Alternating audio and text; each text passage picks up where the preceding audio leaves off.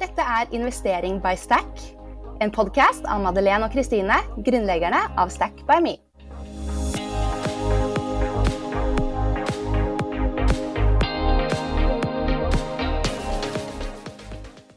Denne episoden er sponset av ETF-forvalteren Xtrackers og favorittregnskapssystemet vårt 247 Office. Hei og velkommen til Investering by Stack. I denne podkasten snakker vi om penger, business og investering. Og i dag så har vi en markedsoppdatering til dere. Jeg har nemlig oppsummert hva de forskjellige fondshusene mener om 2024. Altså, hvor mener de at man skal investere i 2024 for best avkastning? I tillegg så har jeg satt meg noen personlige mål for hvor mye jeg skal investere i år. Jeg tror dette blir veldig interessant. Og denne episoden her, det er en soloepisode. Det vil si at det blir bare meg, Madeleine, dere hører i dag. Så da hopper vi i det. Hvor skal man investere i 2024? Det er jo mange som mener mye forskjellig. Det er det absolutt. Og jeg skal ikke gå inn på alle detaljer av råvarer og renter og det som er. Jeg starter med det som flest av dere stack-lyttere syns er mest interessant, fordi de aller fleste av dere har et globalt fond eller en global indeks i sin stack. De globale markedene. Hva sier forvalterne om de nå? Og faktisk så er det ganske bred enighet om at det nå er mye risiko i de globale markedene. Prisingen på amerikanske aksjer den er høy i forhold til historisk snitt. Statistisk sett så gir det da lavere sannsynlighet for bra avkastning i de globale markedene i år. Men det kan så klart fortsatt bli bra. I fjor så var det jo også mange som var bekymret, men 2023 ble jo et knallår drevet av AI-optimisme. Eh, jeg kommer til å bruke AI istedenfor KI når vi snakker om kunstig intelligens, rett og slett fordi jeg er så vant til å si artificial intelligence, altså AI. Eh, så jeg holder meg til det. Men nå mener mange at AI-optimismen har gått litt langt, og at det er litt sånn FOMO i markedet. Mye av veksten som kan ventes eh, fra AI-verktøy, er allerede priset inn, eh, ifølge flere. Så da er det jo egentlig ganske risikabelt å investere i SMP 500 eller en global indeks, hvor 20% av indeksen er The Magnificent Seven, som alle drives ganske mye av forventninger rundt kunstig intelligens. The Magnificent Seven er jo da Nvidia, som på en måte lager chipper eh, som eh, brukes til å ja, eh, prosessere den datakraften man trenger for å bruke kunstig intelligens. da. Eh, du har Tesla, som har på en måte eh, selvkjørende biler som bruker kunstig intelligens. Du har Meta Platforms, altså Facebook, Apple, Amazon, Microsoft og Alphabet, som er da Google. Alle sammen har mye KI, eller AI, i sine produkter. Og de kalles jo da Magnificent Seven fordi nesten hele oppgangen i SMP 500 og global indeks for den saks skyld ble drevet av de syv aksjene i 2023. Men fun fact så er det egentlig bare The Magnificent One. Hvis du ser på toårsperioden 2022 2023, så er det faktisk bare Nvidia som har levert ordentlig bra. De andre aksjene, som Apple og Microsoft, de har levert mer vanlige resultater på toårsbasis. Det bare krever så utrolig høy prosent vekst år to når aksjen har falt mye i år én. Du vet, faller noe med 50% i år én, så må den samme aksjen faktisk stige med 100 år to for å komme tilbake igjen til null. Men faktum er likeså. Disse selskapene de er nå gigantiske, og de er 20 av indeksen. Og matematisk sett så er det vanskeligere å levere den typen vekst som disse selskapene har gjort historisk, fremover. Rett og slett fordi de er blitt så store. Det er ikke umulig, men det er vanskeligere. Og man ser jo også at myndigheter rundt omkring begynner å bli bevisste på den markedsmakten disse store spillerne utøver. F.eks. i Europa så har jo nå EU og EØS pålagt Apple å åpne opp for at andre også kan bruke NFC-chipen i Apple-telefoner. Hvor de basically har hatt monopol på mobilbetalinger frem til nå. Altså, ingen andre banker eller systemer som VIPS for da, har hatt mulighet for å bruke den NFC-chipen. Så derfor har på en måte VIPS prøvd seg med ja, disse eh, strekkodene og sånn, som er mye, mye mer tungvint. Nå får de tilgang til denne chipen.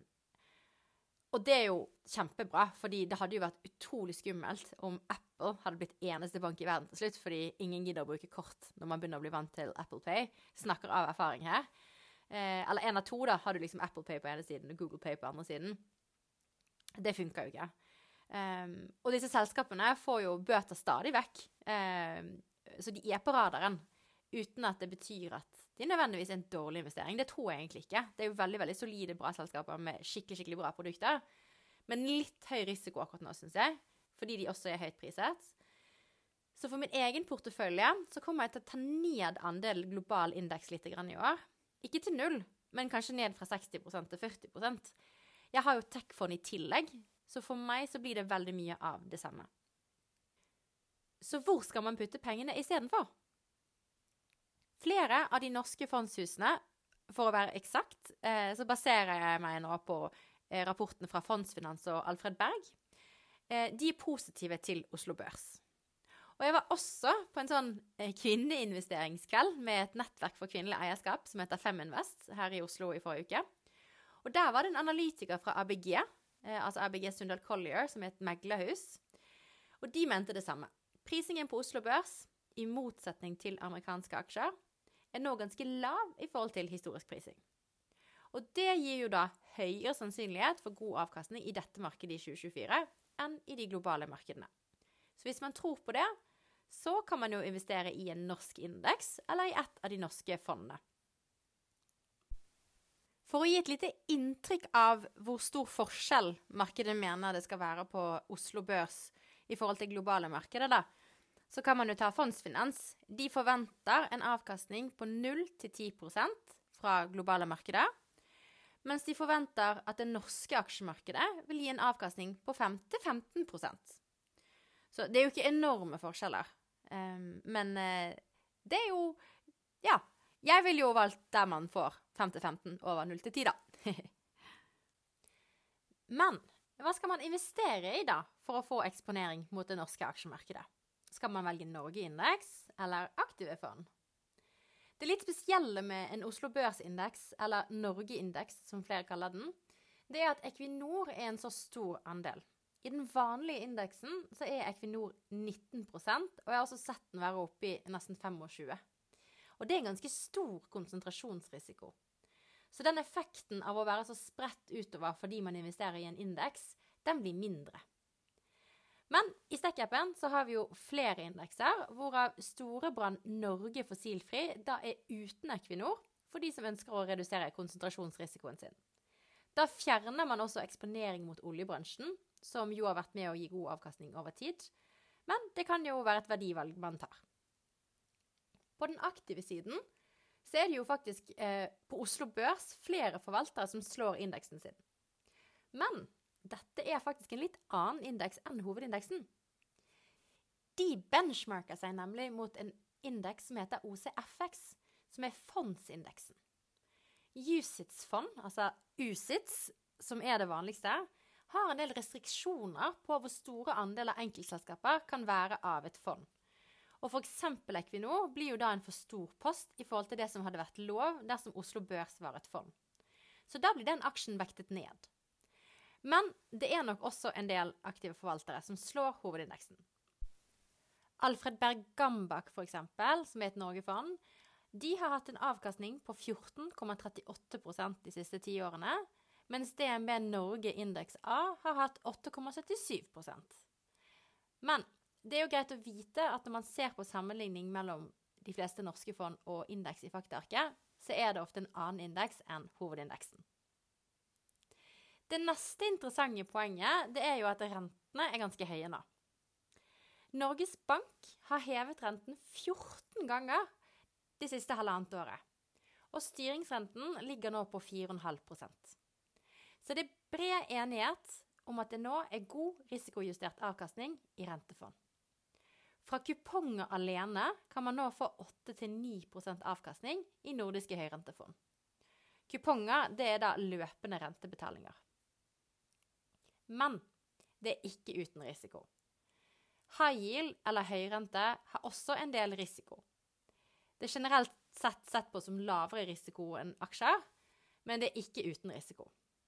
For det første så er det pga. de høye rentebetalingene nå også høyere konkursrisiko enn før.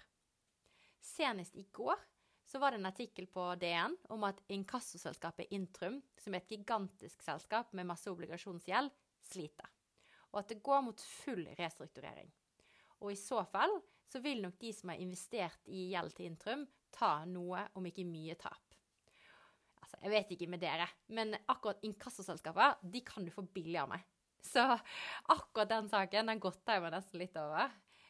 Men eh, det er jo ikke bare rentene de sliter med. De har jo også da Myndighetene i Norge har satt ned de beløpene som inkassoselskaper kan kreve i gebyrer. Litt usikker på om de har gjort det i hele EU. Eh, sånn at du har jo også Kredinor, som er en aksje, eh, og et annet inkassoselskap, som også sliter massivt om dagen pga. dette. Og altså, Inkassoselskaper gjør jo en viktig jobb med å kreve inn penger for bedrifter som ellers må ta tap. Absolutt. De har sin funksjon, men de er jo ganske sleipe der de kan. For eksempel så hopper de jo glatt over påminnelser, siden de ikke er lovpålagt. Det er bare en oppfordring. Og så går de rett på inkassovarsel. Så de kommer raskest mulig til latterlig høye gebyrer.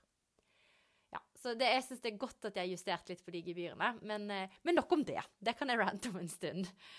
Eh, vi har vel alle glemt en faktura på 100 kroner og endt opp med å betale 500 en gang. Det er veldig irriterende. Så, men med 8-9% i kuponger så kan man også tale noen tap dersom fondet er godt diversifisert. Poenget er vel at rentefond er en god måte å minimere risikoen i porteføljen sin akkurat nå, og gi den en jevnere avkastning, med forventning likevel om et godt 2024. Den andre risikoen med rentefond, som for øvrig mange mener er en god investering i 2024, eh, er at det er litt durasjon, altså renterisiko. For å forklare hva durasjon er, er den to for et rentefond, så vil fondet typisk falle 2 prosentpoeng dersom renten stiger med 1% Og Det er jo ikke massivt, men det kan også ta en del av avkastningen når den ikke er, er mer enn 5-6 i utgangspunktet. Durasjonen, eller renterisikoen, er derimot lavere i Norden enn internasjonalt, fordi det er flere lån med flytende rente. Og Det vil jo da si at når renten stiger, så vil jo også renten på det lånet som man har i fondet, stige. Så du får ikke på en måte noe tap pga. det. Det er kun når renten er låst. Eller ikke kun, eh, men når renten er låst, så blir det jo en større effekt. Men den er likevel til stede. Så eh, bortsett fra kanskje i likviditetsfond, eller de fondene som heter obligasjonkort eller lignende, der er den veldig, veldig lav i hvert fall. Eh, så du kan se på faktaarket eh, hva som er tallet for durasjonen, om du lurer før du kjøper et rentefond. 0,1 f.eks., det er veldig lavt. Holdbar likviditet, de har 0,1. Men i høyrentefond så kan den være litt høyere. Jeg sjekket DNB high yield, og der var den 0,9. Så si en vanlig durasjon for høyrente er ca. 1. Og så forventer markedet seks rentekutt fra Norges Bank i 2024. Det er 1,5% Og Da kan man jo trekke fra 1,5% fra forventningen i effektiv rente. Og den var for DNB high yield nå 10,18, så jeg. Så man har jo litt å gå på. Man havner jo på over 8,5 uten tap fortsatt. Men jeg tenkte i hvert fall at det var interessant å forklare den risikoen.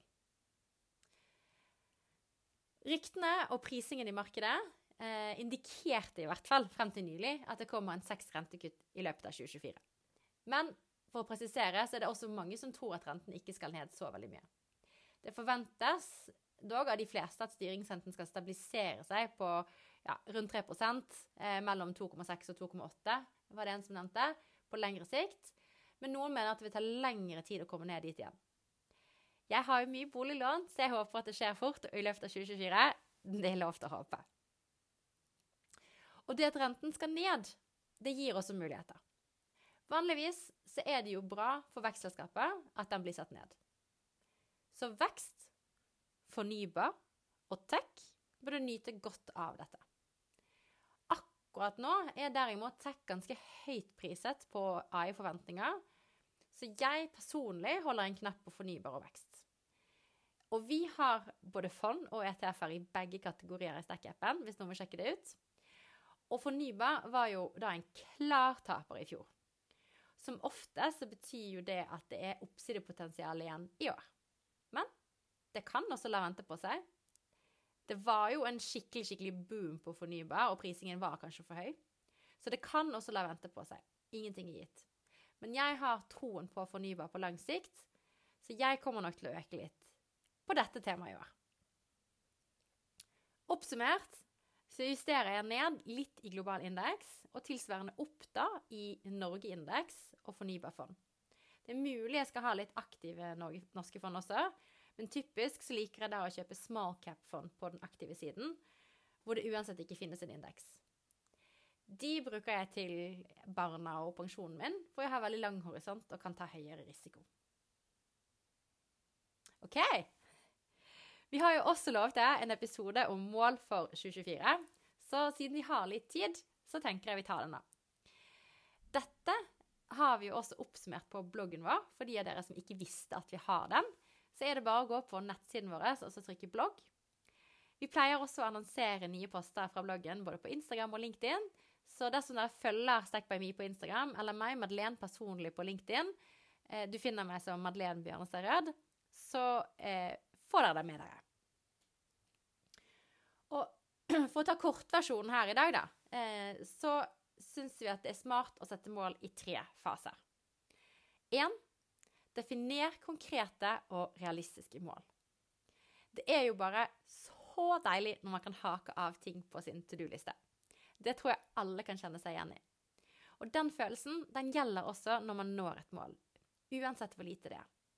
En to do er jo egentlig bare et lite mål, hvis man tenker på det. Og Derfor er det viktig å sette seg realistiske mål, som du da sannsynligvis kan hake av med mer eller mindre innsats.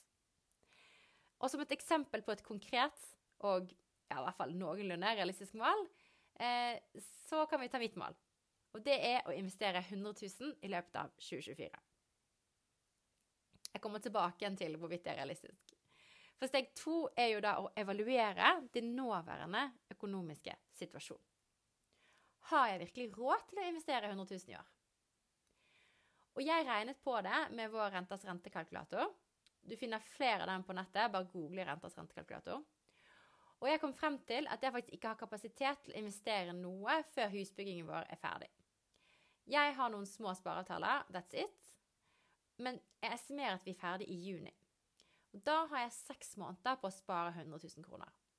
Og ifølge min kalkulator så må jeg da spare 16 200 kroner i måneden om jeg tror på ca. 10% årlig avkastning det er jo ikke så mye avkastning man får på et år, ikke sant. Så det er jo nesten 100 000 jeg sparer da. Men litt, litt får jeg. Og med min nåværende månedslønn så er nok egentlig det litt mye. Men jeg tror jeg skal klare å lage en plan. Og trenger du også hjelp til å få oversikt over økonomien din, så kan du bruke vår gratis budsjettmal som jeg har brukt selv. Eh, jeg legger en lenke til det blogginnlegget jeg snakker om her i episodebeskrivelsen. Der finner du både mer info om målsetting og link til denne malen. Den er veldig fin. Det tredje du skal gjøre, det er å lage en plan. Med klare mål på plass så er neste skritt å utarbeide en plan for å nå målene. Og dette kan inkludere å justere det månedlige budsjettet for å finne måter å redusere utgifter på så du har mer å investere. Du kan lære mer om investeringsstrategier for å tørre mer. Men hoveddelen av planen er på en måte å bestemme da hvor mye du skal investere, og hva du skal investere det i. Og en plan den er ikke statisk. Du kan også justere den underveis. Så min plan da, for å nå 100 000 i år, den er som følger.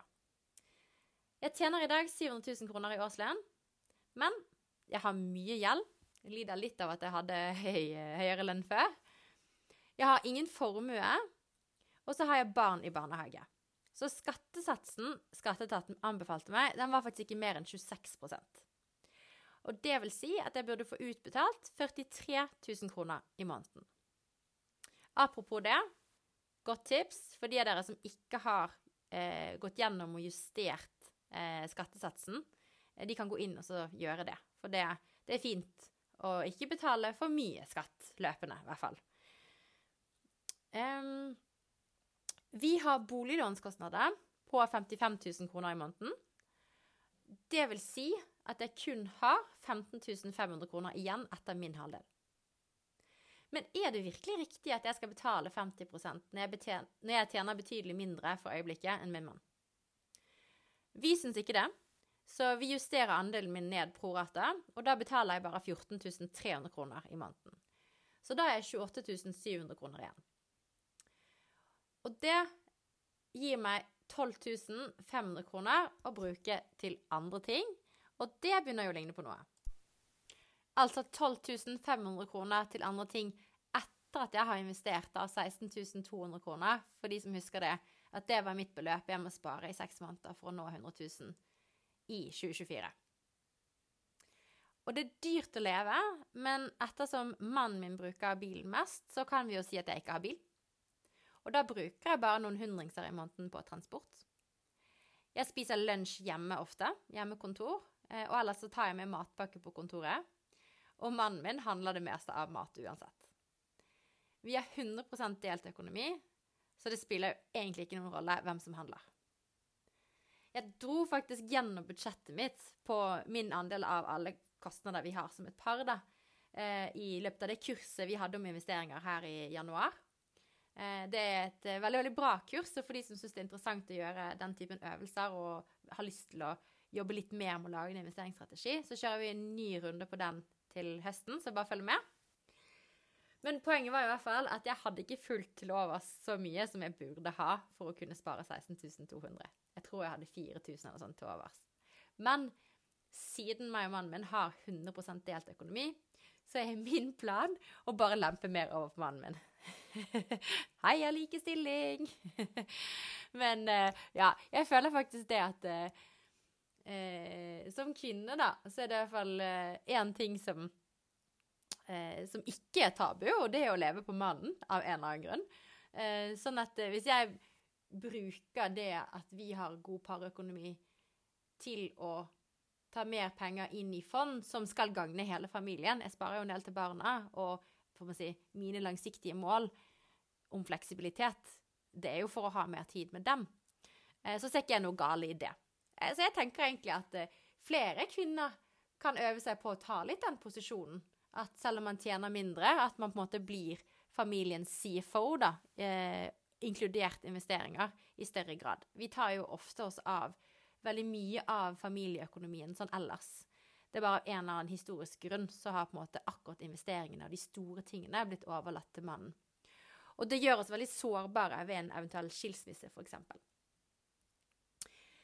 Men jeg skal jo også gjøre noen grep på egen økonomi for at jeg skal ha mer til overs å investere. I 2024 så har jeg som mål å kun handle brukt. Eventuelt av og til så syns jeg det er gøy å kjøpe ting for å støtte andre kvinnelige gründere. Eh, jeg tenkte på det her om dagen, men jeg har jo nesten bare klær fra liksom Avan og Kron og solbriller fra Møy og ja, andre på en måte produkter som er laget av kvinnelige gründere. Det syns jeg er litt gøy å bidra til. Men jeg skal også, tenkte jeg, å selge en del saker og ting. Eh, når vi flytter nå inn i det nye huset her i løpet av påsken, håper jeg, så skal jeg på en måte rydde til side alt som jeg ikke bruker mer, og så skal jeg gi det vekk i gave eller selge på Finn. I tillegg så er det mulig at vi skal justere lønnen i Stekk noe. Og så har jeg bestemt meg for at vi skal klare oss uten en bil nummer to. Og skal jeg bare bruke elsykkel eller buss. Og da kan det gå. Om jeg klarer dette, her, det får vi nå se på. Eh, det dukker jo plutselig opp mye utgifter når man flytter inn i nytt hus. Eh, det får vi nå bare se på. Men følg med, så tar vi en recap i desember. Men nå så føler jeg at jeg har mast nok. Jeg håper eh, dog at dette var litt nyttig og kanskje litt inspirerende for deg som lytter. Selv om det var bare meg her i dag, og ikke Kristine. Vi savner selvfølgelig henne. Så i så fall, om dette var nyttig, så setter vi stor pris på om du abonnerer på podden og liker podreelene våre på Instagram. Da hjelper du oss med å nå enda flere med denne økonomikunnskapen. Før vi runder av, så må jeg likevel bare få lov til å komme med en oppfordring. Det har vi jo alltid med. Og dagens oppfordring det er å tenke litt selv på din egen portefølje. Har du lyst til å justere den, eller er du fornøyd med dagens eksponering? Det kan du tenke litt på. Og hvis du syns det ble litt mye å tenke på, og litt mye informasjon i en episode, så husk at vi har kurs i appen vår om både aksjefond og rentefond, så du kan repetere eh, og høre på denne episoden og reflektere i den konteksten når du kanskje vet litt mer om aksjefond og rentefond. Da tror jeg det er lettere å forstå. Og det er veldig lønnsomt på lang sikt. Og med det så tenker jeg vi runder av denne monologen her. det er jo litt kjedeligere å få det alene, Men vi satser på at Kristine er med igjen i neste episode. Takk for i dag, og ha det bra! I denne podkasten kan du lære mer om investering. Vi ønsker å inspirere deg til å ta din økonomiske fremtid i egne hender. Og dette kan du gjøre med Xtrackers ETF-er. Invester steg for steg med Xtrackers, ETF og ETC-leverandøren fra DVS. Gå til xtrackers.com og begynn nå. Og husk, det er alltid risiko tilknyttet investering. Verdien av investeringene dine kan gå både opp og ned i samarbeid med DVS International, Frankfurt, Tyskland.